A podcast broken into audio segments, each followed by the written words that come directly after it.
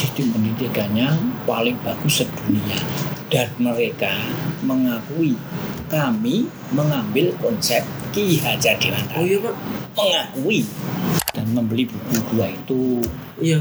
untuk bekal kita itu istimewa Indonesia itu Fondasinya sebetulnya sudah kuat termasuk kuat pendidikan Iya, yang kuat. dicanangkan oleh pokok itu ya. Jangan sampai dilupakan ya.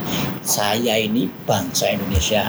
Ketika saya melihat beberapa konsep dari pendidikan Finlandia sebetulnya saya melihat kesamaan.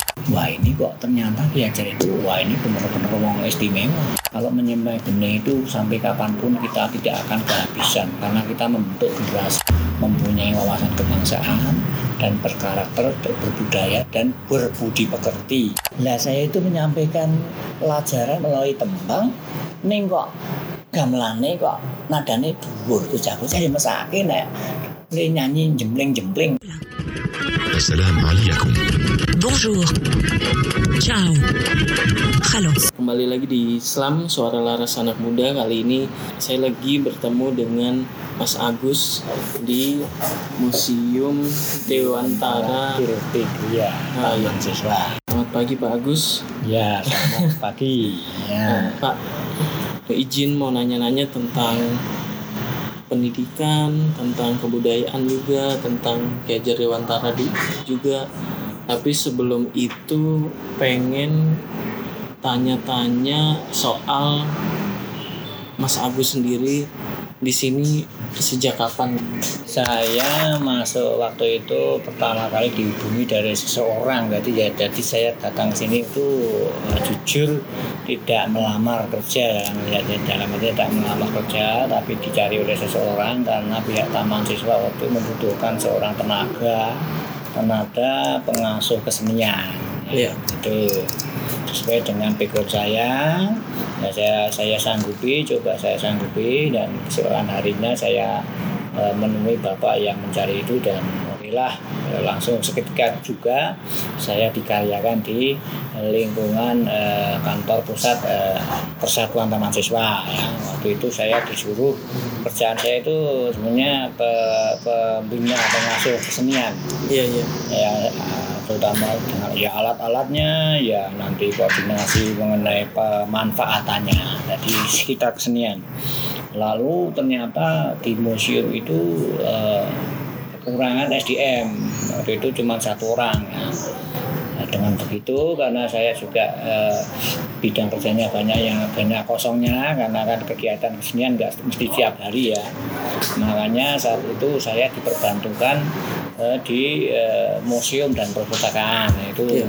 waktu itu tahun eh, sem- 2003 resmi saya masuk di eh, museum dan perpustakaan dari, dari tahun 2003 sampai sekarang 2019 ya sudah puluhan tahun Sudah puluhan tahun. iya nah, begitu kira-kira Berarti sudah banyak bertemu dengan peneliti. Ya, ya macam-macam ya karena terus terang saja sebenarnya saya juga apa ya karena backgroundnya bukan orang pustaka, bukan orang sejarawan, bukan orang anu, bukan sarjana. Jadi saya di situ memang apalagi sistem kerja di sini bukan sistemnya enggak seperti apa begitu ditempatkan di sebuah eh, ruangan itu terus diberi job deskripsi enggak. Jadi saya itu berkreasi sendiri, inisiatif sendiri. Pekerjaan itu mencari sendiri Iya. karena di eh, yang satu yang teman saya itu namanya Bu Mulyani itu sama sekali nggak ngasih eh, perintah nggak ngasih apa-apa mengenai apalagi apa-apa yang saya harus saya kerjakan di sini. Pokoknya yo Bu Mulyani bilang ya kamu pokoknya belajar sendiri. Ini lingkungannya eh, lingkungan suasana kantornya begini. Monggo silahkan saya nggak akan begitu Jadi sudah sekian puluh tahun ini yang istimewa dari misalnya yang Bapak temui dari sosok Ki Hajar Dewantara atau dari keseluruhan arsip-arsip yang ada itu apa sih Pak boleh Iya. diceritakan? Ya secara memang secara umum ya bahkan kita sendiri. Waktu saya SD juga tahu dan bagaimana atau sosok Ki Hajar itu. Setahu saya oh memang Ki Hajar Dewantara itu yang jelas di pikiran saya sebagai anak sekolah SD dulu ya Bapak Pendidikan Nasional. Itu Iya. satu titik terus dua dua terus dua. Ketika saya itu masih SD itu setiap kali jam Iya. 5 sore ya jam 5 sore itu RRI Nusantara 2 Yogyakarta radio sebuah radio di Yogyakarta. Setiap 5 jam 5 itu pasti mena- memutar lagu-lagu dolanan anak. Oh iya. itu bagus sekali. Oh iya. ya itu begitu. Ya dulu. Dulu tuh hampir seminggu itu bisa diputer lagu-lagu dolanan gending-gending anak-anak itu. Taman siswa itu seminggu bisa tiga kali. Itu RRI yang memutar. Itu pas sekali. Begitu ada itu taman siswa. Begitu ada itu taman siswa begitu. Jadi ada dua ada dua anu ya yang satu itu Ki Hajar Dewantara Bapak Pendidikan Nasional. Terus kedua gending itu dulan gending dulanan. Suaranya anak-anak pur itu bagus sekali. Saya SD itu SD kelas pokoknya masa-masa SD sampai yang itu masih siaran terus itu. Nah itu dua itu yang rupa-rupanya sangat istimewa. Dan ketika itu saya dihubungi seseorang kamu kerja di taman siswa? Ya, saya ingat itu. Wah taman siswa setiap eh, dulu SMP pernah lewat di sini ya. Ini kok kayaknya kok eksklusif sekali memang. Hmm. eksklusif keadaannya itu kok wah gimana mau masuk itu ragu-ragu. Lah kok terus saya ada yang menghubungi saya suruh bekerja di taman siswa. Lah saya ingat dua hal itu. Satu Ki Hajar Dewantara kedua itu dolanan Dolan. genting-genting itu. Wah kok oh gini gini gitu. Ternyata saya kerja di sini lah itu. Jadi itu gara-gara yang melekat itu ya Pak. Hmm, itu. Itu. itu apalagi saya kan backgroundnya seni, senang dengan senian. Keluarga saya bapak saya eh, seni. Nah itu. Itu ada erat sekali hubungannya. Nah, Setelah akhirnya bekerja di sini Pak, terus akhirnya membuka arsip-arsip itu. Hmm. Apa Pak yang membuat bertahan lama di situ? Oh mengenai apa? Ya tentang Hajarnya atau karya-karyanya, Oh, karya-karya tulisan dari tulisan ya. Haji Dewantara, pemikirannya gitu Pak. Kalau itu sih, kalau eh, sebetulnya ya saya itu sebetulnya sekali ya sebetulnya sekali itu gimana ya maksudnya? Jadi tidak mengkhususkan diri saya itu hal seperti itu ya. Seperti pengelolaan arsip, terus itu memang rupa-rupanya hanya sekilas saya bagi saya, tapi karena itu saya tugas ya Iya. tugas ya terpaksa enggak terpaksa istilahnya. Saya harus berusaha menyesuaikan ya. Menyesuaikan. Kebetulan sekali kok saya itu sukanya ya. Sukanya itu saya yang hal-hal yang tersep-tersep itu mas. Jadi kadang-kadang yang hal aneh ya apa saja. Alat-alat misalnya alat elektronik terus apa barang apa tulisan gambar. Itu obrolan saya itu penasaran. Juga ruang bangun bangunan Iya. itu kok kebetulan saya itu penasaran. Lalu begitu nanti saya di tempat sini terus saya inspeksi apa mencoba mengelilingi area kerja saya. Ini kok wah, ini apa ini ya ada setumpuk. Misalnya ada setumpuk kertas. Hmm. itu memang kalau orang lain sih ini kertas kumel mas dibuang. Tapi kalau saya enggak betul-betul saya susuri satu persatu mas ternyata terus buku amal itu bukunya itu buluk sekali dulu itu ya. Buku yang anu itu bahkan bumur nggak menca tidak menjangkau di situ. Saya saya kalau itu betul-betul apa berduk terus ada semacam bukunya itu sudah eh, apa mengalami ya itu kayak kayak apa ya dimakan ngengat itu ya jadi beletuk itu ya.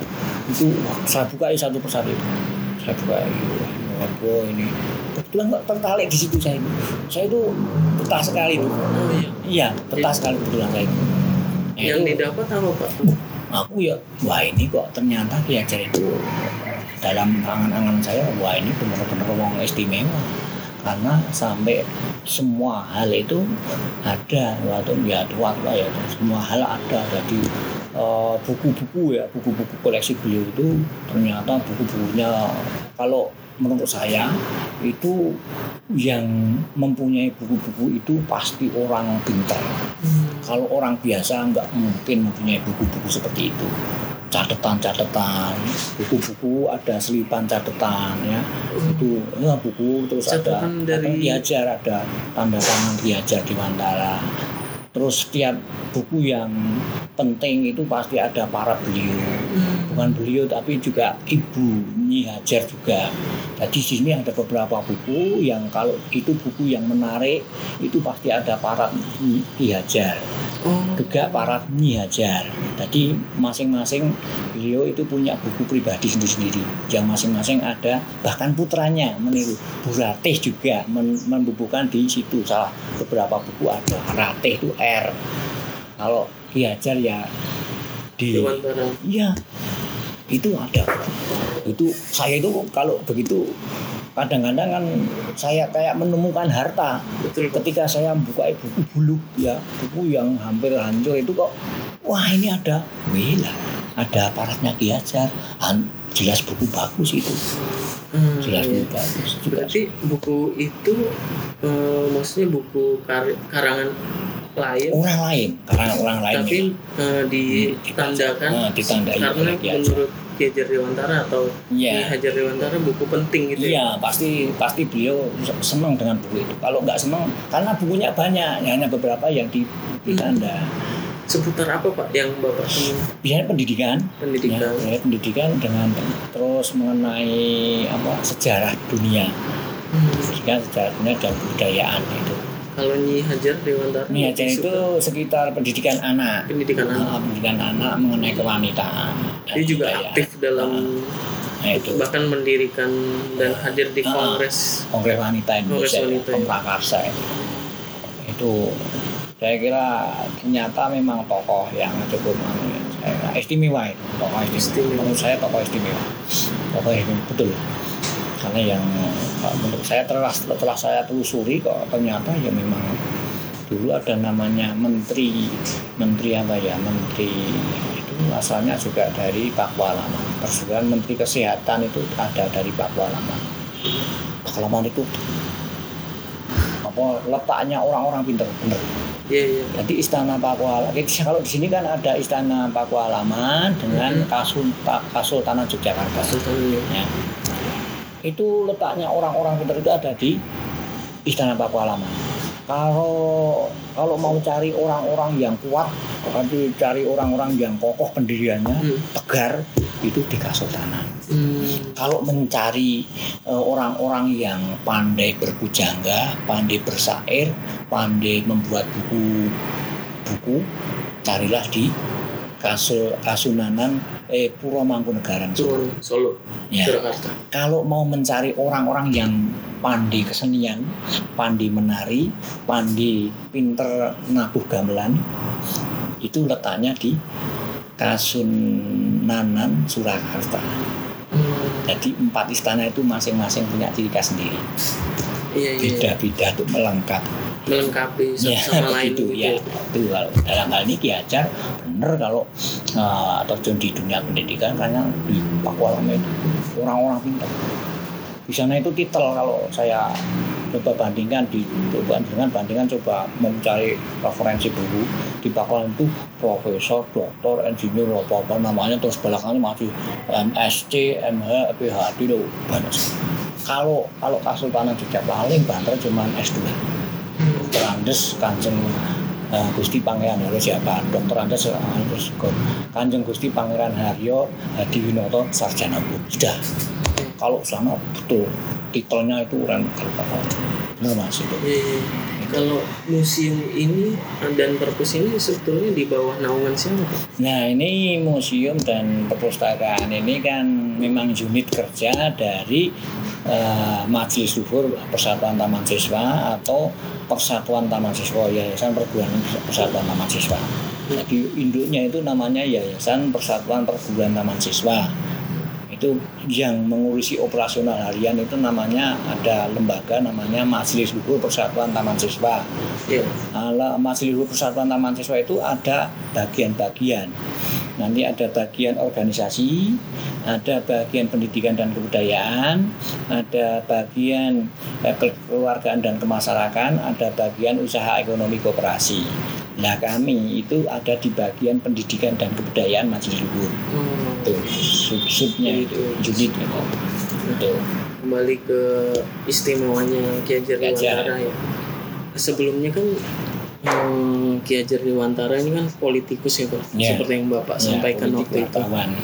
Eh, alasannya dia berpindah haluan menjadi mendirikan sekolah nasionalis itu pak? Hmm, itu kalau itu saya saya yang sempat saya baca ya mengapa Ki Hajar dari eh, wartawan dan politik kok eh, berbalik misalnya ganti ke haluan ke pendidikan ya. Waktu itu memang eh, ketika Ki Hajar eh, kembali dari negeri, eh, negeri pembuangan negeri Belanda 1919 itu eh, ditemui oleh beberapa kawannya wartawan juga wartawan kawan-kawan yang dulu pernah berkumpul di kelompok Selosok Liwonan itu mereka terdiri dari para wartawan dan para politikus ya.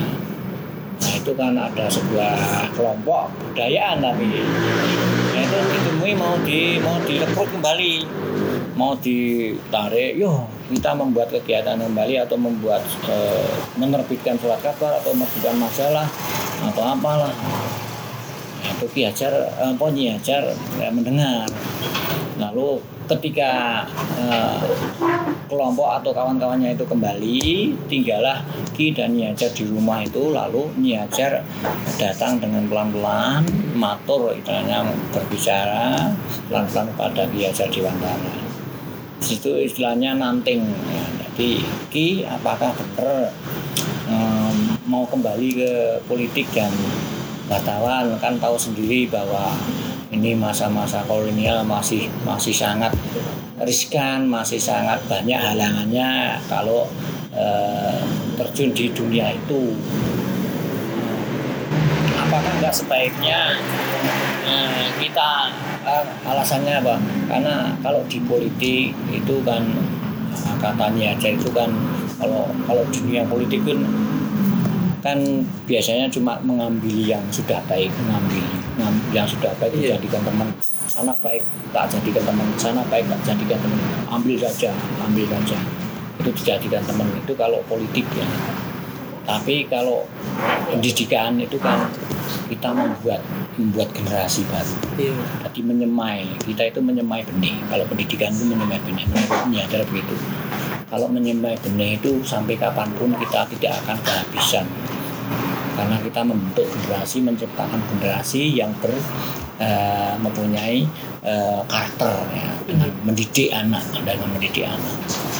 Itulah rupanya terpengaruh.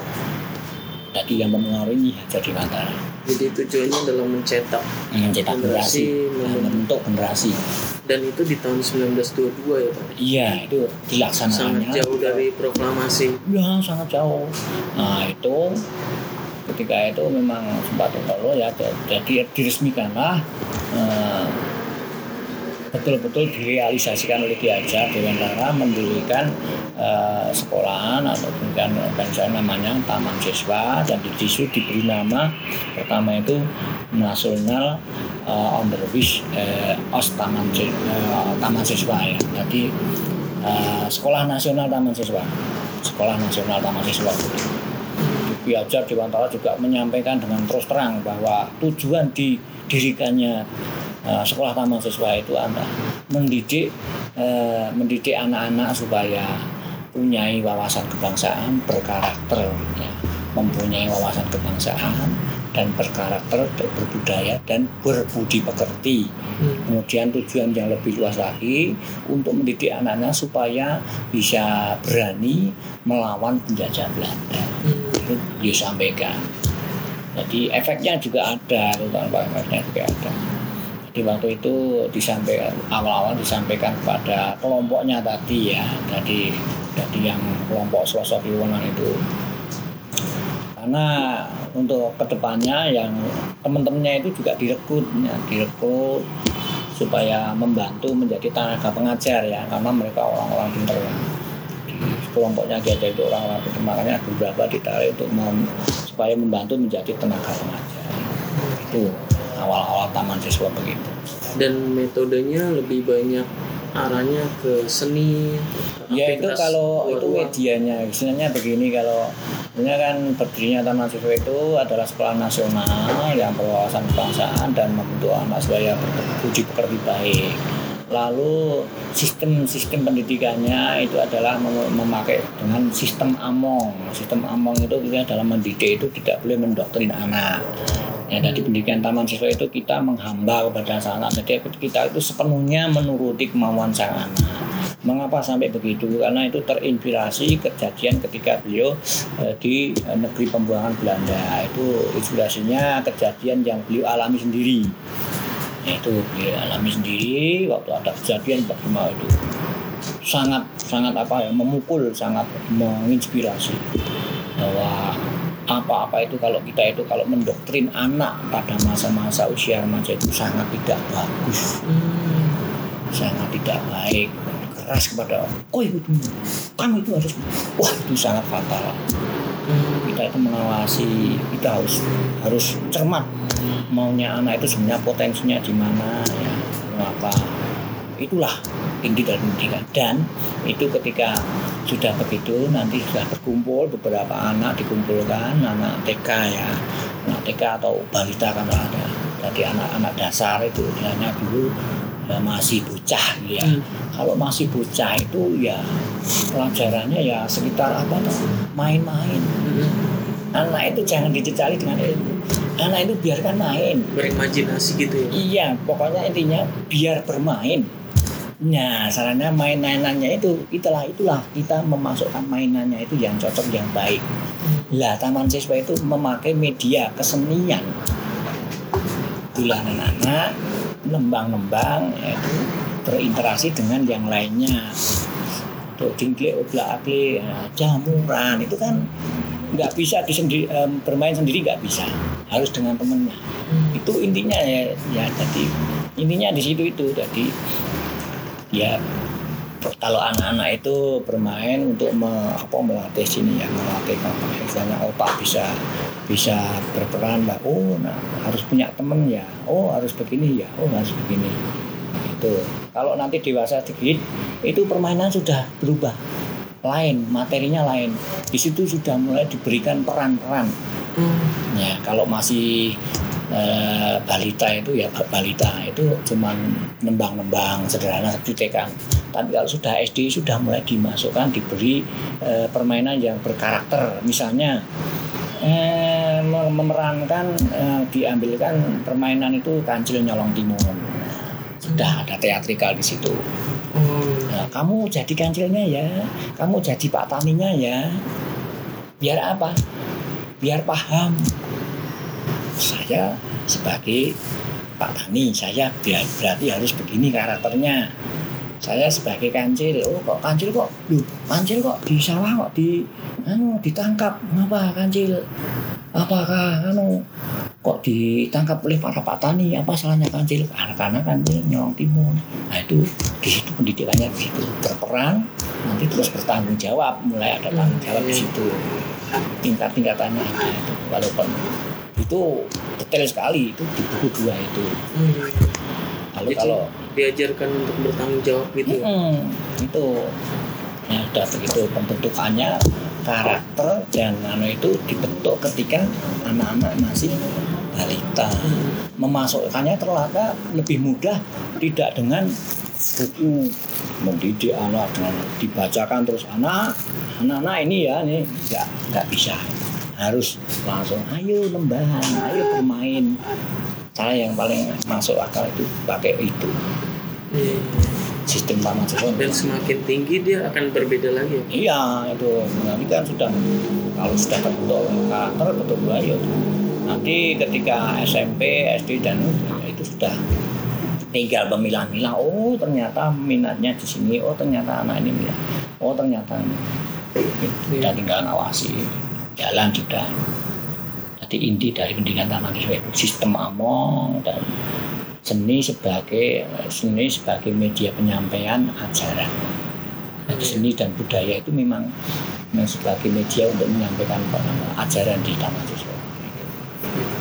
Eh, kalau Ki Hajar Dewantara kan dari apa ya maksudnya keluarga bangsawan ya Ya, alasan yang eh, dia menggunakan nama Ki Hajar Dewantara ya. ketimbang su, ketimbang Raden Mas. Raden Mas. Ya itu, itu rupanya juga ada hubungannya dengan ketika beliau di taman siswa. Tetapi ada hubungan dengan beliau pribadi si eh, apa watak beliau pribadi ya yang ingin bebas. Satu beliau itu sebagai bangsawan tapi ingin bebas ingin ya ingin berinteraksi dengan masyarakat luas. Dan itu kalau kalau anu itu cukup mengganggu beliau ya tidak. Ketika berinteraksi dengan masyarakat luar mereka harus munduk-munduk harus nyembah-nyembah harus ndoro-ndoro itu diajar nggak suka. Ada batasan di situ ngajar sangat nggak suka itu. Kemudian kalau dalam penyakitan sehari-hari kepada anak-anak juga nanti akan menghambat ya nah, apa jo apa apa ya? Apa ya? Lalu terus sama gurunya kok Ndoro itu kan.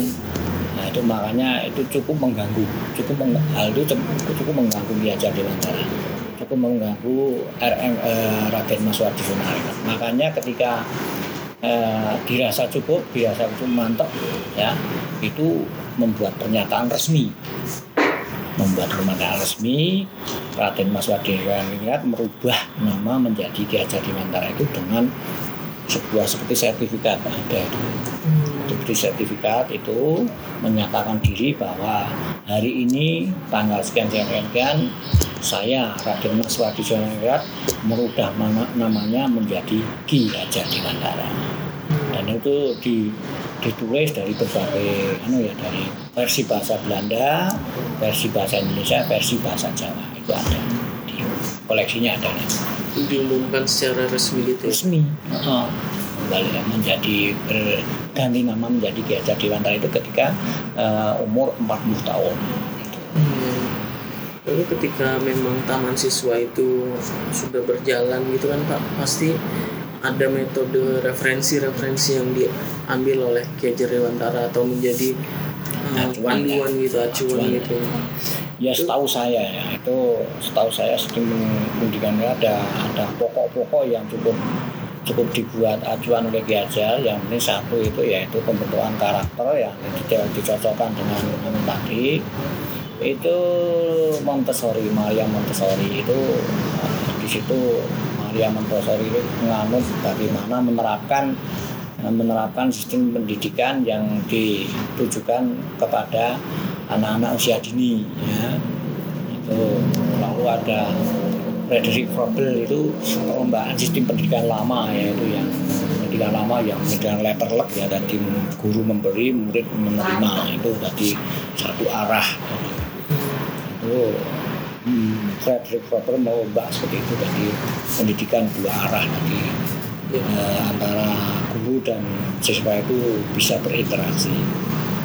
Lalu ada lagi yang pendidikan ter apa ya eh, terkonsentrasi nah itu namanya eh, ada Rabindranath Tagore itu ya juga menginspirasi Ki Hajar Dewantara Dari India nah, dari India itu karena Rabindranath Tagore itu mempunyai eh, sekolah namanya Santi Niketan itu yang modelnya akan ditiru oleh Ki Hajar Dewantara.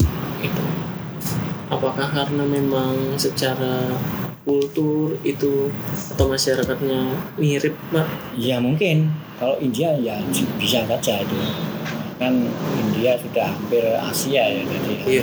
makanya kulturnya sangat masuk saya kira saya kira masuk sekali apalagi tokoh-tokoh kuat zaman waktu itu ya tentu saja Abhinana Tagore, Indira Gandhi ada kan masih kultur-kulturnya masih sama kita Asia metode yang apa eh, salah satu metode di taman siswa adalah mondok gitu ya Pak. Mm-mm, Pak Gurun Dan memang ternyata Ki Hajar Dewantara pernah mondok juga di Iya. Jawa Timur. Iya, ada sebuah pesantren karena waktu itu yaitu masa-masa kecil Ki Hajar itu memang tidak banyak hidup di lingkungan istana bahkannya masa sekolah itu ya.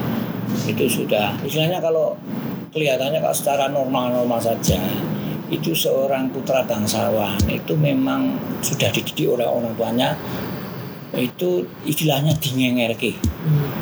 ada istilah itu mas. Jadi anak bangsawan itu dingereke supaya bisa mempelajari eh, sudah bisa eh, mencari pengalaman mencari pengalaman luar tidak hanya di dalam benteng. Itu betul nah itu kebetulan kalau kalau kalau bangsawan-bangsawan lain itu di Ngengerke itu diikutkan di misalnya di tokoh apa ya tokoh nasional misalnya siapa begitu ya dididik di sekolah di luar benteng. Tapi kalau diajak benar di Ngengerke itu itu kok dititipkan di pesantren. Tidak di toko nasional. Tidak tidak di sekolah nasional. Walaupun dulu pernah diasuh oleh seorang tokoh nasional pernah. Seperti Osjok Raminoto ya itu pernah berhubungan langsung diajar waktu kecil diajar ya. Muridnya salah satu Iya, oh itu, Terus? itu, Hmm. Itu, tapi kemudian terus waktu itu terus uh, di di kayak di pesantren kan itu. Tapi sayang tulisan waktu itu tulisan untuk yang di mana jelasnya pesantren yang pernah di eh, ikuti oleh Gajah itu tulisannya nggak ada Hmm. kemarin ada peneliti pasca sarjana dari USD ya mana saya nyari ya tolong pak nanti kalau dibantu kalau karena itu santer selalu disampaikan oleh beberapa tokoh eh, Nahdlatul Ulama yang pesantrennya pernah di Nengeri. Hmm. jadi hanya baik cerita gitu iya kayak cerita versi catatannya nggak ada saya dengar juga dari tokoh siapa dari Gus Miftah itu yang menyampaikan itu bahwa juga dari bahkan dari mubalik dari UNU itu eh, Gus Muwafiq itu pernah menceritakan kan, bahwa di situ Biajar pernah mengikuti di salah satu pesantren jadi cukup kuat ya karena landasan fondasi Biajar cukup kuat. Eh, adat adat eh, bangsawan memang begitu. Ketika kecil itu dingengarke Di- biar nggak manja. Dari pengalaman itu jadi mengambil banyak pemikiran gitu ya ya betul kalau kalau kalau menurut saya memang kualitas manusianya memang baik di kualitas manusianya itu kualitas makhluknya manusianya memang memang cerdas itu. Hmm. yang penting itu nanti walaupun bagaimanapun kalau kualitas manusianya bilang nggak nggak baik ya saya kira ya nggak seperti diajar di antara itu itu intinya. Iya, iya. Eh, jadi memang taman siswa ini ditujukan untuk menjadi sekolah nasionalis kan ya pak? Iya. Di ketika waktu itu yang bapak bilang tadi ada sekolah Muhammadiyah Belanda, aduh. yang terbatas kan? terbatas yang mengeksklusifkan diri masing-masing Hmm. mengkotakkan diri masing-masing tapi Ya. Ki Hajar Dewantara mencoba merancang sekolah nasionalis gitu ya pak ya? Hmm. itu memang ditujukan karena ya. Bagaimana bisa maju kalau sekolah itu dibatasi? Kalau untuk untuk kalangan kalau misalnya di lingkungan Muhammadiyah ya ditekankan cuma paling 70 80 persen Islam ya. Hmm. Muhammadiyah itu dulu. Mengesampingkan. Ya menyampaikan misalnya nggak ada pelajaran sejarah nggak ada pelajaran warga negaraan misalnya karena dilarang Hmm. dilarang oleh kalau sekolah-sekolah yang milik Belanda itu pelajarannya apa? Pelajaran perkantoran, administrasi perkantoran. lebih ke jurusan gitu ya Ya, karena kan setelah lulus kan mereka direkrut untuk biar untuk bekerja di Oh, kantor iya. mereka. Dan nggak ada pelajaran warga negaraan, nggak ada pelajaran sejarah. padahal itu dasar untuk memahami Iya. konteks kebangsaan Ya, gitu ya karena kan memang begitu memperlakukan terhadap yang dijajah kan memang begitu Belanda nggak mungkin memberi pelajaran kemudian kalau rakyat jelata ya sekolah ya cuma sampai kelas 2 ya. Itu kan ada istilah sekolah koloro ya. Karena kan sekolahnya cuma sampai kelas 2 setelah eh, kelas 1 kelas 2 setelah kelas 2 lulus itu pelajarannya ya cuma paling cuma menulis ya. Hmm. makanya orang-orang dulu kalau nulis bagus-bagus karena memang secara itu pelajaran menulis itu api-apian nulis itu ya zaman londo itu. Iya. nah itu kan kondisinya sangat makanya sangat bodoh sekali ya. Belajar makanya itu mendirikan kekeh untuk mendirikan sekolah amatir Oh, lalu kenapa di sampai sekarang eh, maksudnya sekolah nasionalis yang memang sesuai dengan kebangsaan itu Hmm. tidak bisa diterapkan Nah. sampai sekarang pak. Itu itu itu yang yang saya bingung di situ itu. Nggak tahu arah karena ya macam-macam tuh masuk namanya orang itu macam-macam. Kepentingannya ini macam-macam mas jadi sebenarnya saya itu punya rumah ya. Saya itu punya rumah. Saya itu membuat rumah mas. Jadi saya membuat rumah di suatu tempat ya rumahnya ya sederhana lah bagus. Saya inginnya itu rumah saya itu kok anu ya rumah saya itu eh, mau tak tingkat mau gaya Eropa gitu ya biar bagus. Tapi kok biayanya gimana? Menurut saya utang mana ya ini? Gitu mesti gini tak iya. Padahal kalau dia kita memberdayakan misalnya ini ya rumah. Rumah kan mesti ada halamannya kan? Iya. Bisa kejadian gitu. Ternyata ini rumah untuk untuk rumah yang bingung bagaimana biayanya gue ningkat bagaimana biayanya membuat garasi bagaimana biar pintunya itu bagus lampunya bagus Sebenarnya kita kan bisa memberdayakan lingkungan sekitar. Misalnya ini di untuk usaha apa? Ini rumah utama, ini untuk toko misalnya.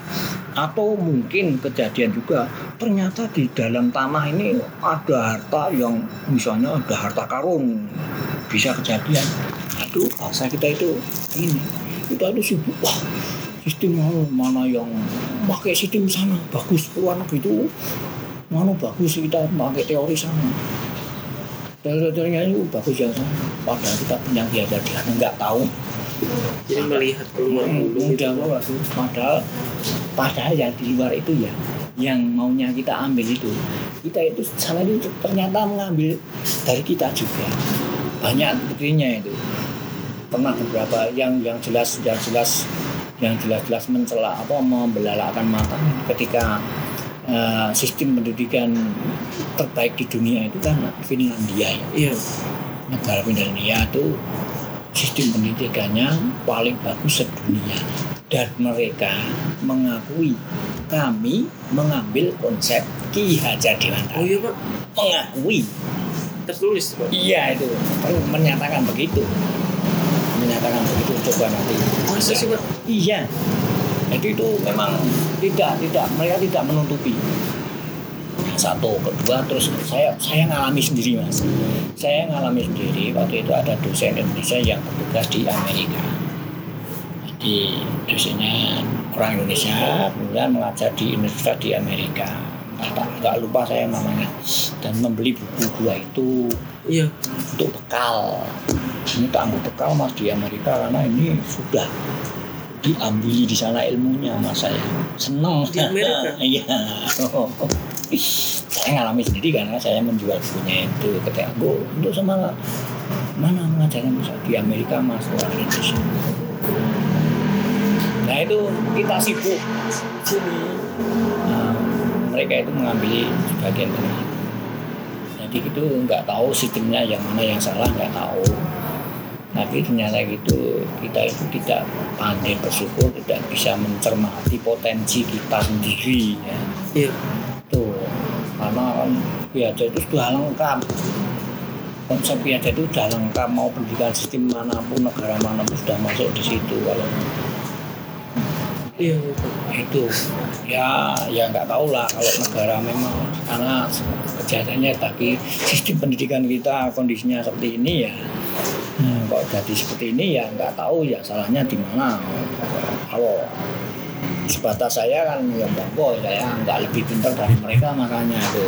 Mereka itu saya yakin lebih pintar dari saya tapi kok kok keadaannya kok begini itu nggak tahu saya. Bahkan padahal sudah ada sampel itu ya pak ya? Ya. Pernyataan itu jelas dikemukakan oleh Yes. Finlandia yang iya jelas. dinyatakan mengakui sebagai ya, mengakui mas. pendidikan termaju pak hmm, termasuk maju yang saya kaget sih pak karena itu pertama.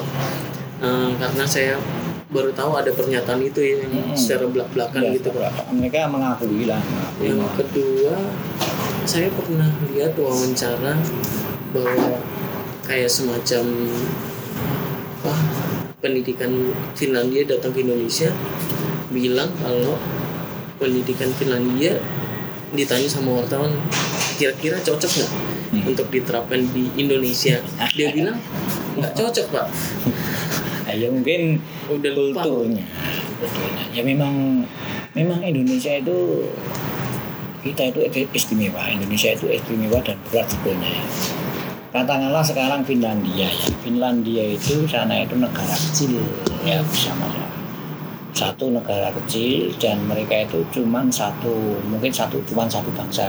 Atau atau lebih tepatnya satu suku kemudian di katakanlah kita di Jerman itu juga satu suku ya satu bangsa satu suku rata-rata di Eropa itu nggak nggak ada yang sepertiga multikultural ini nggak ada Iya, iya. yang paling rumit kan kita toh. Iya. paling rumit bangsanya macam-macam sukunya macam-macam itu itu mungkin yang menjadikan hal seperti saat ini begitu jadi meramu bagaimana. Tapi sebenarnya ada pokok-pokok dasar yang perlu diperhatikan oleh para para apa para pimpinan itu. Bahwa itu harus disadari bahwa kita itu macam-macam. Tapi kita juga sudah membuat fondasi kuat. Empat pilar itu kalau nggak diperhatikan ya itu akhirnya merupakan empat pilar itu sangat bahaya. Coba mau ber mau apa mau coba-coba menghilangkan salah satu dari empat pilar itu siaran hancur. Hancur bener. Nanti kejadian nggak ada nggak akan ada bangsa Indonesia. Ini Empat pilar yang dimaksud itu eh, kan Pancasila, UUD 45, kebinekaan Iya. dan apa itu? Ya, undang-undang. Itu empat pilar empat pilar. ya nanti dipelajari. Nanti penting itu. Iya kadang-kadang empat apa? Wah, nanti Pancasila masuk apa UUD apalagi penjelasannya apalagi GBHN GBHN tidak ada ya? Kebinekaan Bin. Pancasila UUD 45 dan apa undang-undang dasar negara Indonesia itu empat pilar itu. Iya. kalau sampai itu di hancur dan itu yang mendirikan itu ada Pak Karno, Bung Hatta, Ki Hajar Dewantara. dengan backgroundnya masing-masing ya Ya, itu loh. Kita yang ekonomi Itu ya pembentuk bangsa loh itu. jadi Itu bisa sebetulnya fondasinya sebetulnya sudah kuat termasuk kuat. pendidikan Iya, yang dicanangkan oleh Ki Hajar Dewantara ya Iya, Pak. kuat. bahkan ketika saya melihat beberapa konsep dari pendidikan Finlandia sebetulnya saya melihat kesamaan yang persis gitu Pak. dengan taman siswa dari seni Hmm. terus bahwa di Iya. pendidikan awal itu tidak boleh kejuruan dulu Ah, iya, umum. umum gitu ya. Itu menanamkan karakter karakter yang penting Iya. karakter itu. Lah, lah salahnya lagi ya. Ya oke menanamkan karakter bangsa, oke oke. Tapi penyampaiannya gimana? Metode penyampaiannya gimana? Nah itu yang mereka kadang-kadang Bingung gitu. ya nah, semaunya sendiri. Padahal ada metode yang memang harusnya diterapkan kepada anak-anak ketika untuk membentuk karakter, nggak boleh kebrono. Itu sudah ada. sebetulnya sudah jelas metode-metode itu Ya. disampaikan juga Sampaikan ya, sudah di buku Ya, sudah itu buku satu dua itu sangat jelas sekali. Iya. Menyampaikan agar supaya karakternya itu enggak. Tapi sekarang ya, ya kita itu ya ini ya kalau membentuk satu yang diingat Ki Hajar itu kita itu bangsa Indonesia. Kalau Ki Hajar ya pokok itu ya jangan sampai dilupakan ya. Saya ini bangsa Indonesia. Dan situ nanti ada penik-peniknya. Saya suku Sunda saya agama Islam saya agama etni saya ini saya ini. Nanti jangan itu jangan diudik-udik saya bangsa Indonesia itu ya. Hmm. penetapnya tapi sekarang kan sudah mulai di kotak-kotakan mulai mulai dikoyak-koyak enggak. Nah, apa yo Islam. Nah itu. Iya. Padahal yang harus kita sadari kita bangsa Indonesia. Indonesia. karena Hmm. kalau saya baca tadi bahwa Ki Hajar Dewantara mencanangkan apa namanya Nah. semacam budaya nasional gitu ya Hmm, iya. sebagai puncak sari-sari. nah itu. Itu. Puncak sari-sari. Di situ itu. Tapi ketika melihat realitanya mungkin kalau ketika kita ditanyain sama orang kamu asalnya mana? Kita langsung menjawab orang Jawa. Kan otomatis itu Pak. Nah, karena ada Nah itu. Tambah lagi memang ada upaya-upaya untuk itu. Dari Dan Belanda cukup waktu itu kan? enggak, enggak masa-masa sekarang Oh ya, iya, masa masa-masa sekarang. ini ya. Ada ada masih ada upaya-upaya masif untuk memasuki untuk menya apa istilahnya eh, mengkoyak itu ya untuk mengkoyak kebangsaan kita itu. Ada ada upaya yang dari dari kulturnya utek-utek dari eh, unsur eh, apa re- agak-agak agamanya diutek-utek dari unsur struktur budayanya mulai diutek-utek jadi karena itu memang mereka paham sekali ketika menghancurkan sebuah bangsa itu itu utek-utek lah itu nanti hancur bangsa itu. Bener itu ini sekarang sudah kalau nggak hati-hati. Makanya kalau anak itu harus diingat ya Wih, saya Indonesia bangsa Indonesia bangsa Indonesia. Harus kesadaran Iya, gitu ya, Pak. ini sangat jarang sekarang, sangat jarang. Padahal Iya. itu penting gitu, penting Betul. gitu. Kalau sekarang mau mau sebagai contoh ya, kita se- sebagai contoh negara-negara yang besar yang maju di wakil kita di Asia itu kalau saya mencontoh ya Jepang itu, Jepang itu orangnya brilian tapi bangsanya ya bangsa dan budayanya kuat. Tapi ya karena corone itu kualitas material ma- yang namanya Jepang itu apa-apa kan mater- materialnya bagus tuh. Hmm. Kalau sudah made in Japan ini kan semua dunia mengakui ya. Mengakui. Amerika saja ngakui kok. Amerika saja ngakui ketika ada film film apa itu film Transformer itu Transformer itu dulu timbul itu apa namanya si sing truk namanya. Wah itu pasti buatan Jepang. Amerika itu. Ini pasti buatan Jepang ini. Wah padahal nggak nggak nggak semestinya ya Amerika itu. Setiap Amerika membuat film pasti sing diunggulkan pasti Pentagon sama CIA sama FBI Iya. propagandanya seperti itu nek film Hollywood itu pasti begitu. Iya. nanti kalau nggak itu dimarahi tapi suatu saat ada momen-momen tertentu yang orang Amerika ternyata hal-hal tertentu teknologi itu tetap acuannya Jepang wah ini pasti buatan Jepang. Wah wih jadi udah terasosiasikan gitu bahwa ya itu. Bahwa orang Jepang itu material. Saya saya kalau saya keteguhan itu sebagai wakil Asia yang bagus itu kita nggak bisa seperti karena apa? Kualitas kita. Material kita bentukan ini loh bentukan masuk otak Hmm. itu nggak nggak sebagus. Jadi ya maklum lah. Popo gini. Caranya wis ya wis nggak bisa. Terbatas kita itu. Ya. Akhirnya begini tapi ketika itu dengan perbatasan itu itu kalau betulnya kalau kita ada paling nggak dasar yang mendarah daging itu ya bangsaan itu. Bangsaan itu karena apa? Ya itu kita itu terdiri dari macam-macam agama macam-macam suku macam-macam macam-macam. Itu kalau dasarnya nggak kuat ya nanti maut itu? Ya. udah kalau satu padu bisa iya. besar Wah, bangsa ini gitu ya besar sekali besar sekali Nah, Film. ya. lalu kalau eh, ngomongin apa ya lulusan-lulusan taman siswa itu siapa pak yang paling terkenal apa Ada tokohnya itu ada memang kalau dulu dulu ya dulu ya ada beberapa menteri itu ya ada ada Sarmiti, Pak Sarmiti ada tapi saya nggak hafal ya. Iya. Iya saya nggak spesifik secara spesifik nggak nggak banyak hafal itu ya.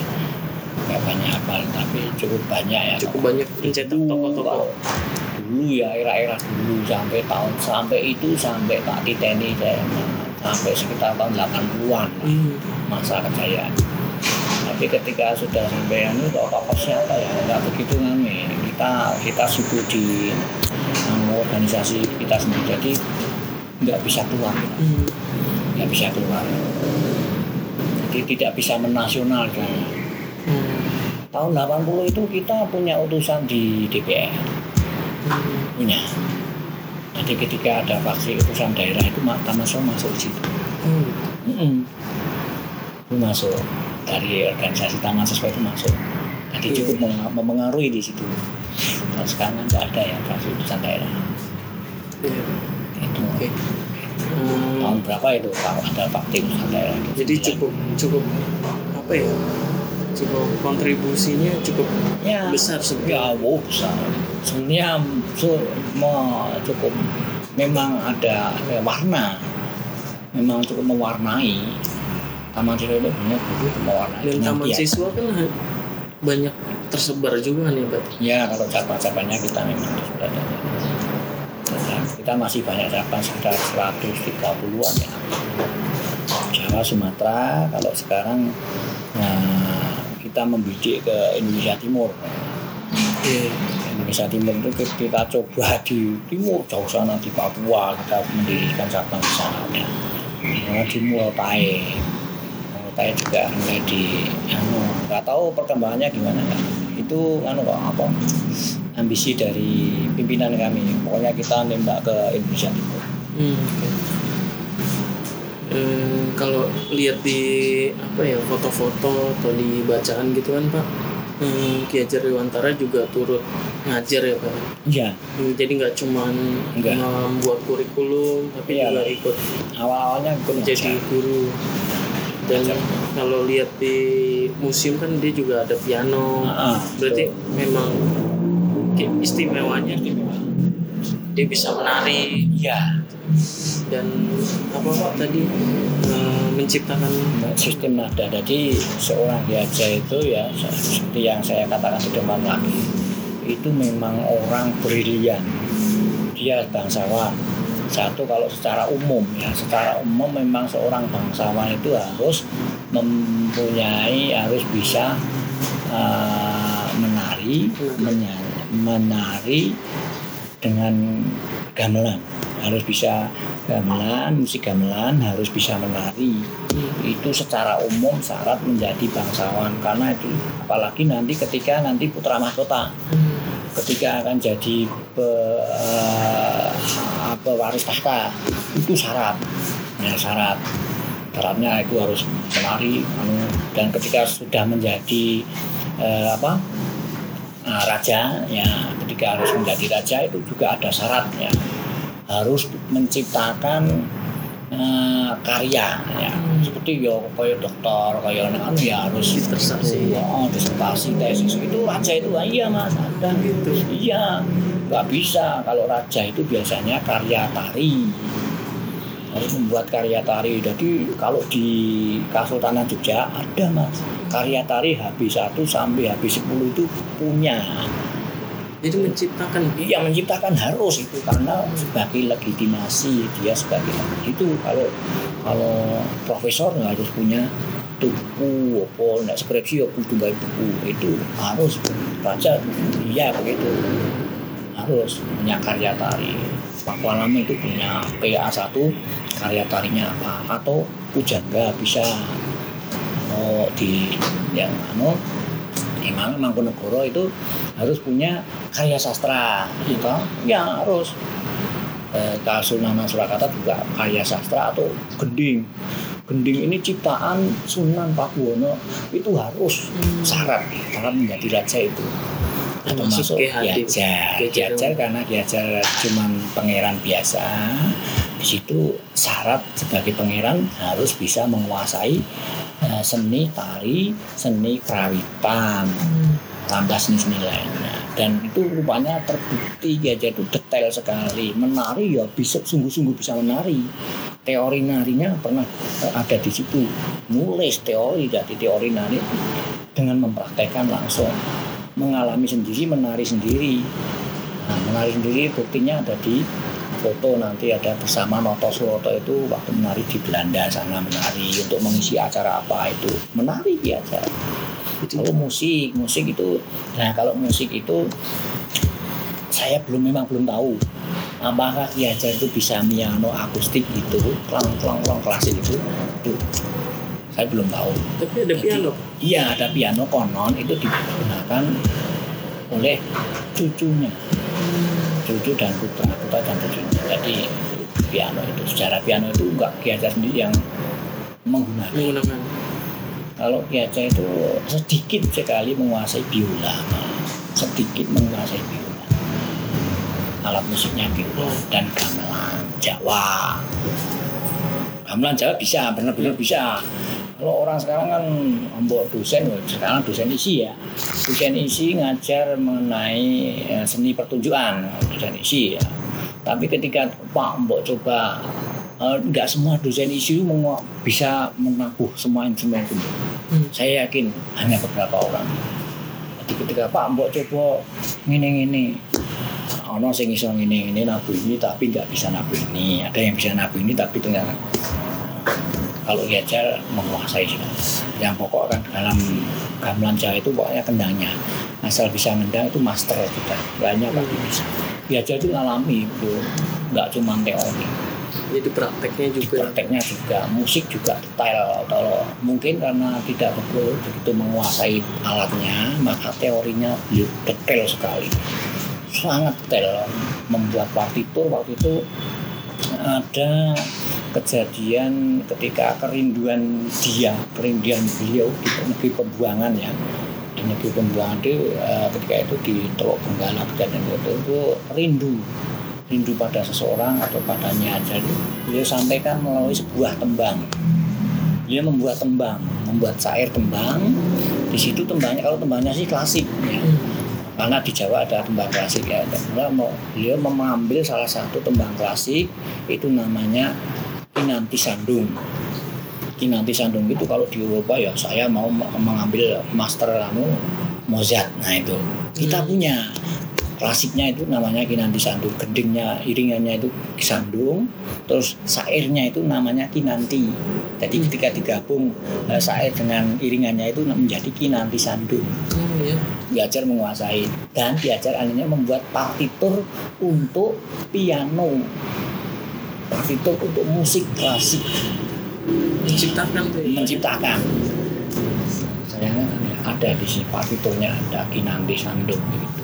Itu sebagai bentuk eh, apa itu? Eh, mem- meng- me- apa, mengeluarkan perasaan melalui waktu waktu mengalami kerinduan rindu pada Nyi Hajar. Oh. itu jadi itu itu ada sairnya kalau sairnya klasik gitu. Semua orang Jawa yang mengenai seperti saya hafal klasiknya. Saya hafal. Iya iya. sairnya itu hafal karena itu bentuk klasik mitringat anglangut anglangut jajah negari itu dan sebagainya. Itu bentuk anu itu dipentaskan di negeri Belanda. Hmm. konser musik. Konser Hmm, untuk konser di sana biasa. Nah, terus pernah dipresentasikan di sini tapi sudah digubah oleh arranger orang taman siswa juga. Itu sudah di ya, apa, digubah. Iya iya. Juga konser, konser musik gabungan antara musik musik klasik dengan gamelan kalau di sini. Kalau di luar negeri memang konser musik klasik itu ada gula, ada trompet itu ya. Itu diajar. Dan itu yang kalau yang anu ya ilmu musiknya. Kemudian kalau eh, ilmu musik lagi yang diterapkan karena waktu itu ada anu ya ada kendala. Hmm. ada kendala ketika Ki Hajar itu menyampaikan media tembang-tembang kepada anak. Karena kendalanya apa? Bahwa gamelan Jawa itu nadanya terbatas. Oke. itu. Gamelan laras gamelan Jawa itu kalau dinyanyikan anak-anak menjadi sebuah tembang dan dinyanyikan anak-anak itu nadanya nggak nyampe anak itu. Tinggi. terlalu tinggi. Terlalu melingking. Karena rata-rata tembang Jawa itu ketika ditembangkan itu persis ketika kita mendengar lagu India itu. Kalau cewek nyanyi India itu Iya. itu kan suara suara hidung ya. Hmm. tinggi. Itu. Gamelan Jawa juga alatnya juga begitu. Dan itu terbatas nggak bisa di nggak bisa Turunkan. diturunkan adanya kalau gamelan Jawa itu itu keter, apa, eh, keterbatasan gamelan Jawa itu rupanya mengganggu Ki Hajar waduh lah saya itu menyampaikan pelajaran menyampaikan ajaran melalui tembang ning kok gamelane kok nadane dhuwur ayo Hmm. piye le bocah-bocah ya mesake nek dia nyanyi jempleng-jempleng nah gitu kira-kira. Wah mesake nek bocah-bocah nyanyi jempleng-jempleng Sulit. eh cepet dong ngelak. Nah, itu nyusulin lah nek kalau ada beberapa anak yang bisa suaranya tinggi kan tapi kalau suara manusia kan macam-macam ada yang suara rendah ada yang Hmm. nggak bisa tinggi. Nggak nyampe. nggak nyampe. Nadanya. Kalau di musik diatonis nggak masalah ya. Hmm. Misalnya saya Pak nada saya nggak nyampe buat diturunkan menjadi Bisa. tangga. Nah itu kan kalau luas kalau di kan yang musik ya. Fleksibel ya. Fleksibel. Kalau gamelan nggak bisa. Gamelan nggak bisa. Mutlak gitu ya. Mutlak itu harus mau nggak mau harus gitu. Padahal suara. Nah kan anak-anak emang kasihan. Waduh, dia belajar mikir. Belajar membuat sistem nada untuk pengajaran vokal. Namanya sistem nada sari swara. Sekali lagi itu sistem nada untuk pelajaran vokal atau seni suara. Ya, jadi nanti iya. Jadi sistemnya nanti nada itu nada gamelan. Tadi eh, istilahnya nanti dicari alat musiknya nggak ada dicari alat musiknya nggak ada gamelan cari suara kalau mungkin ada suatu saat tapi kalau dibuat ya jadi repot ya karena akan nanti akan kalau di piano itu kan ada ya ada putih putih hitam hitam putih hitam hitam hitam kira-kira seperti itu. Nanti kalau gamelan harusnya buat dibuat seperti itu. Ketika dia membuat gamelan cari suara harusnya seperti seperti musik itu. Karena Iya. bisa diluaskan itu nadanya. Jadi Kalau- diiringi dengan gamelan tapi yang custom. nggak bisa. Sistem nada sari suara itu cuma untuk eh, pelajaran vokal. Hmm. ya, pelajaran vokal di kelas. Jadi misalnya aku yo saya udah nembang jamuran yo. Hmm. notnya itu memakai sistem nada sari suara do re mi fa sol do re mi fa sol notnya do re mi fa sol padahal kalau gamelan itu ji ro lu mo nem tapi kalau diajar tembang dengan sistem nada suara ya do re mi fa sol aneh akan aneh nadanya. Setelah saya praktekkan itu nanti kalau nada gak nada do re mi fa sol kan bunyi do re mi fa sol la si do kan jelas toh. Tapi kalau ketika di nada sari suara misalnya ya tergantung. Sekarang saya mau laras lindru karena kan di gamelan kan ada laras lindru ada laras pelok pelok pun pelok barang. Ketika laras lindru ya nak jadi do re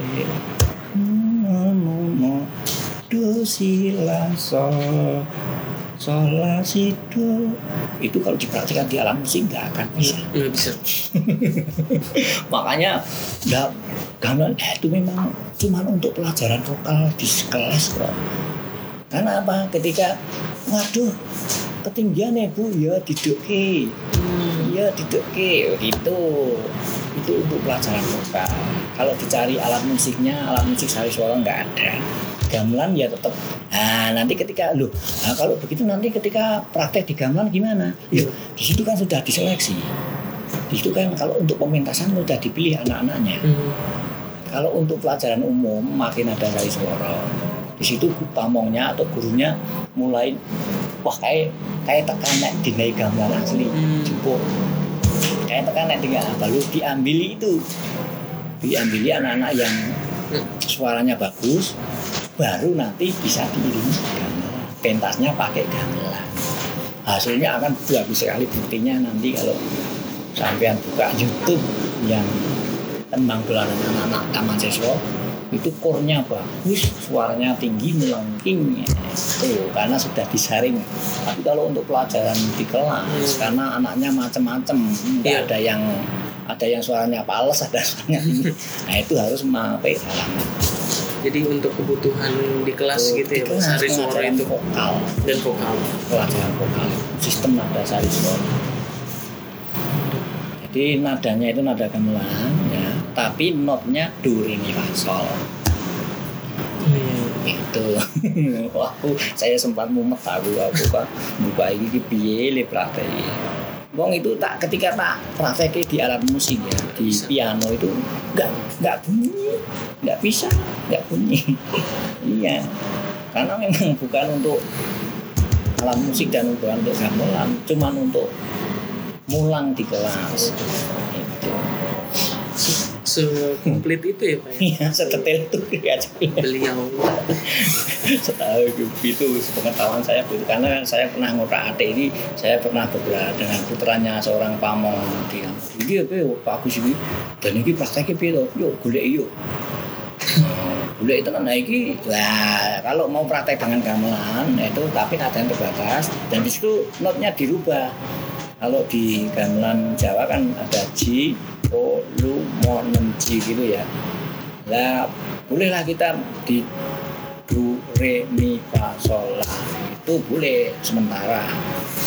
Tapi kita mengubah anu itu cuma untuk sementara praktek ya. Dulu pernah saya tulisi begitu? Ya iki saiki ditulisi do anu ya. Gamelane di busake ditulisi do re mi fa sol kaya sari swara. Itu gitu. Oke. itu sangat detail sekali kemudian tari seni tari juga beliau detail sekali bagaimana joget iki piye Iya. filosofi tari itu piye terus karakter masing-masing tari itu oh paham sekali karena bahasa lain Iya. enggak enggak cuman orang kayak Iya, bahasanya nih. Nah, kalau eh, sekarang perannya dari perpustakaan ini dan museum ini diharapkan seperti apa, Pak? ya sebenarnya ini eh, kita itu terutama kami ya kami yang dikerjakan di unit promosi perpustakaan ini sangat sadar ya bahwa kami nah, rupanya satu-satunya satu-satunya harapan yang bisa di anu, untuk menyampaikan kembali Ya. Apa-apa yang menjadi karya Ki Hajar Dewantara dan me- me- apa, menyebarluaskan ajaran semua saja. Itu rupanya menjadi tugas kami.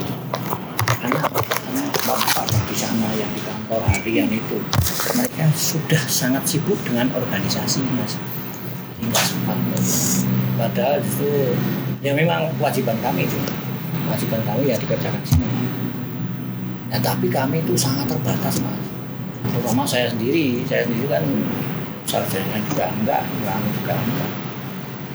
jadi kami cuma menyedi- menyediakan perangkat saja. Kami menyediakan perangkat menyediakan, menyediakan barangnya ya. Menyediakan barangnya mau mencari barang apa untuk kepentingan itu barangnya wujudnya apa nanti saya carikan di sini. Selanjutnya mengembangkan karena saya tidak contoh contoh ketika ada ada uh, yang meneliti untuk disertasi. Wah tinggi sekali dulu. Ya kalau saya makanya dengan sampean dengan saya berani wah, nggak wawancara nggak wawancara nggak berani berani. Wawancara ngobrol. ngobrol saja. Ngobrol. Tapi nek wawancara dikolongin ini suatu saat terekspos dan itu didengarkan oleh aku kok berani berani wawancara nah, bahaya mas ya, ya. Ngobrol kan dua arah. ya ngobrol cuma di ngobrol Mungkin di situ di, ada di satu titik itu ada dari ngobrol itu ada yang dihasilkan ya ngobrol tapi intinya kita ngobrol Iya. sangat berat bagi saya untuk misalnya meladeni yang tesis apalagi kok yang yang skripsi mas. Kadang-kadang kalau mau waduh kalau wawancara jangan karena kan kapasitasnya saya nggak nyampe saya itu. Kalau sampai ditulis di hasil skripsi oh sangat tidak anu nggak valid. Nggak valid dalam artian memang ya, saya bukan tokoh utama di saya itu kan cuma staff. Sedangkan kalau semacam itu harusnya ya memang kewajiban misalnya paling enggak itu kepala bagian atau anggota resmi anggota taman siswa Hmm. saya tuh cuma staf cuma punya kartu kepegawai tetap tapi bukan anggota taman siswa jadi itu itu nggak berhak istilahnya nggak berhak menyampaikan teori yang tiring-tiring Wah itu mah nggak berhak deh. Hmm. Itu disampaikan pernah karena pernah kami di apa di apa ditegur oleh biasa. Kok beraninya beraninya kamu menyampaikan sistem amon? Nggak boleh, nggak boleh. Kalau wawancara Pak, nantinya Pak saya mau wawancara mau sistem amon ya. Ketika saya ngomong, saya akan ditegurkan. Hmm. Nggak berhak karena kamu bukan anggota taman siswa. Nah, terus kalau mau gimana? Ya kalau skripsi ya saya cuma bisa merekomendasikan biasanya kalau sama orang skripsi mbak skripsinya apa mengenai apa oh ya akan kami usulkan ke kantor selatan sana biasanya yang wawancara ini pak ini pak ini pak ini silakan terstruktur gitu ya. Mm, begitu. Wah Nah, setelah itu prakteknya ya nanti ternyata sana nggak siap. Oh, sudah, ini nggak apa-apa di museum saja nggak apa-apa. Dicari di museum saja nggak apa-apa. Ke sini lagi. Padahal kami sudah diwanti-wanti, kamu nggak boleh ke sana lagi. Jadi kalau kamu kayak pingpong lah mas. Ini kasihan dulu itu. Aku dulu tuh pernah das ke situ mau bolak balik gimana mbak oh suruh ke sini aja cukup loh saya nggak berani karena loh ini screenshotnya udah masih saya simpan Rata-rata Pas. dari bidang pendidikan berarti atau Iya, sejarah iya, berarti. heeh. nanti kalau mengenai konsep belajar ya data-data sekolah wawancara mengenai data sekolah dari sistem pendidikan itu di bidang pendidikan dan kebudayaan masih luhur ya Tuh. terus nanti kalau kok meneliti masalah organisasi sama siswa ya, dan itu ada, Ada lagi bidang organisasi ya. Hmm, iya. Bang, saya enak sebenarnya ini tinggal sana Jadi ngoper doang ya. Nah, iya, memang harusnya begitu lah. Saya nggak boleh lah. Wawancara nggak boleh mas. Jadi memang harus terstruktur gitu ya Pak Ya, ya. ada itu. Karena semacam kayak pemikiran ada semacam haknya Iya, iya. jadi Nanti jangan sampai ada bahasa lain lah. Nanti ada story lain. ada- takutnya ada penyimpangan gitu mungkin menurut Ya, mereka. oh, memang itu bagus. Tapi satu sisi ya mereka harus siap. Hmm, Karena ini penelitian nggak baik-baik. Entah itu skripsi, apalagi tesis sama disertasi itu nggak baik. Pak, kalau ngomongin apa konsep pemikiran dari taman siswa, ada nggak sih yang terinspirasi dari taman siswa sendiri Eh, untuk sekarang ini?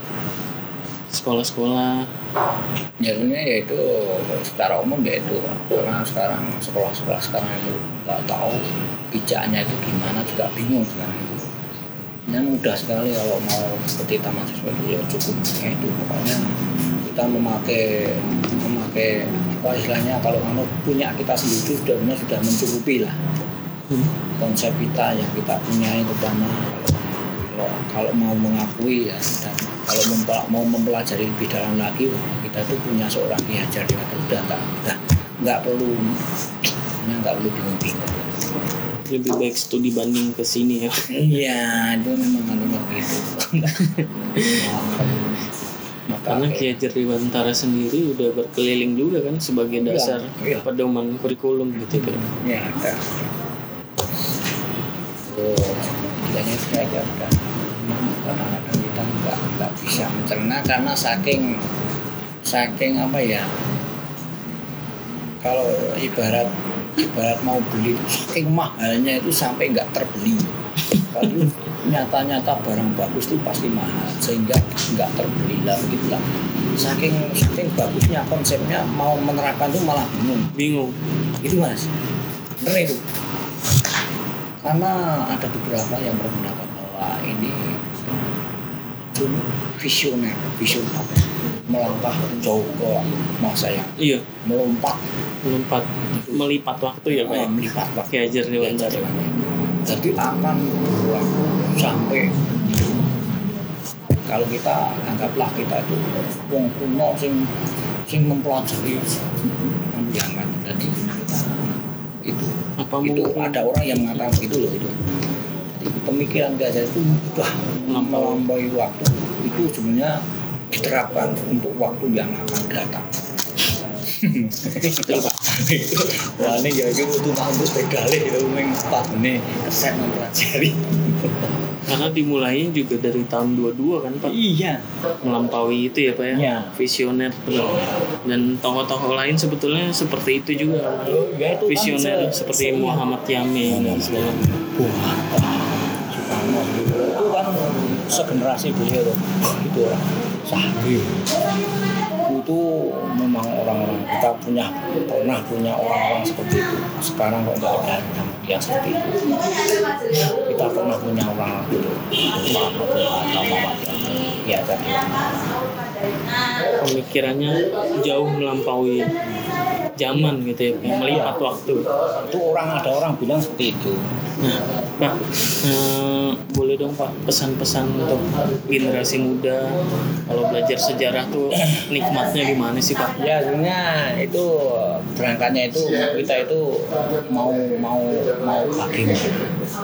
Kalau saya saya saya sendiri kita itu kalau memang hidup di suatu daerah kalau kita harus sadar betul sadar betul aku kini Indonesia begitulah jadi aku kini ya, harus disadari itu ya jadi akan otomatis dia itu bagaimana? Saudara ini tapi kalau belum tertanam itu ya kira pengaruh-pengaruh banyak sekali karena ini ini teknologi. Distraksi. jadi ya distraksinya jadi membuat sama mau mau bicara aku orang Indonesia saja kadang-kadang.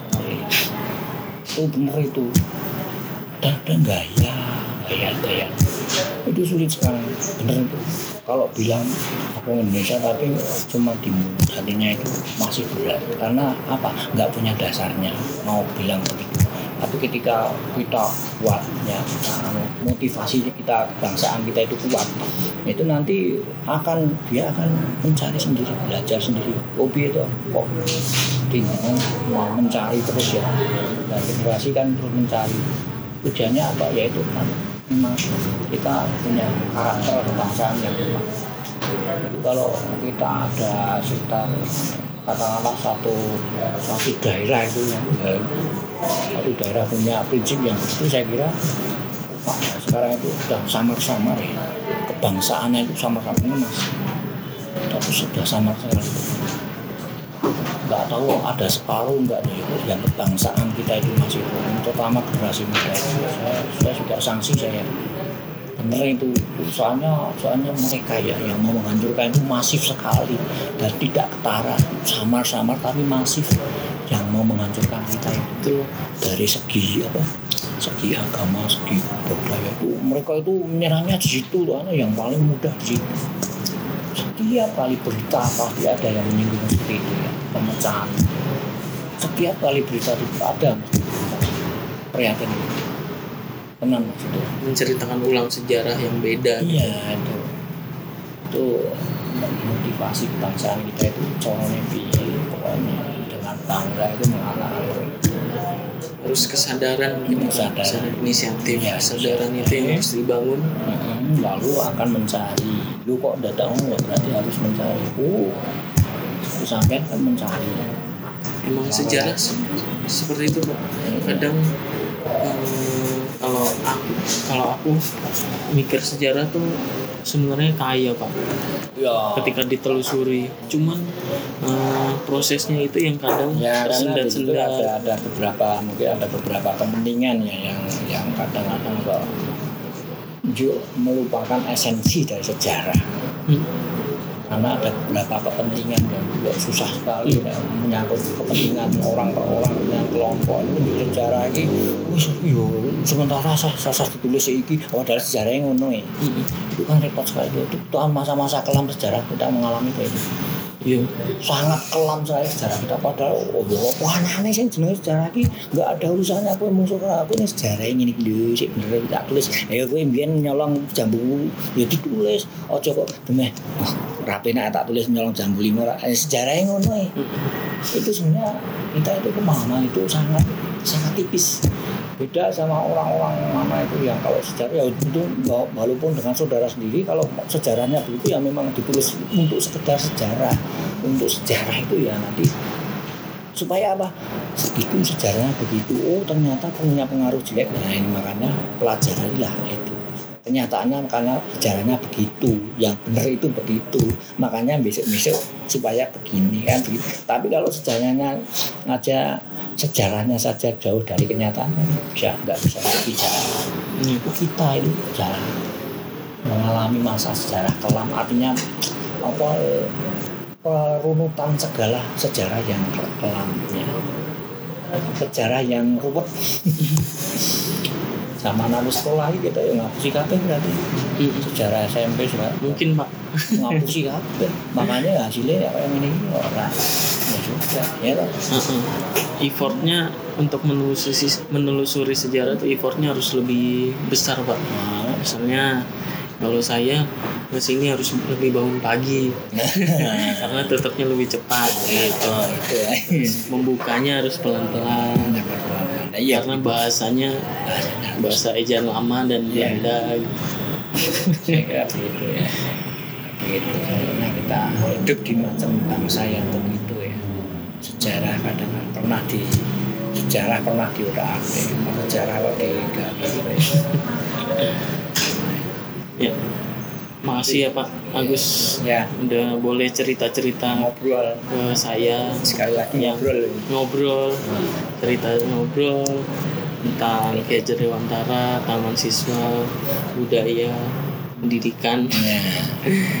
Makasih Pak, semoga bermanfaat untuk yang mendengar nanti. iya itu supaya nanti ya kira-kira ya membuka lah tadi ya. Cakrawala. Nah, membuka. Uh ternyata ya misalnya dan lebih banyak yang datang ke sini ya Pak. ya nah, itu amin. Supaya bisa banyak ada diskusi.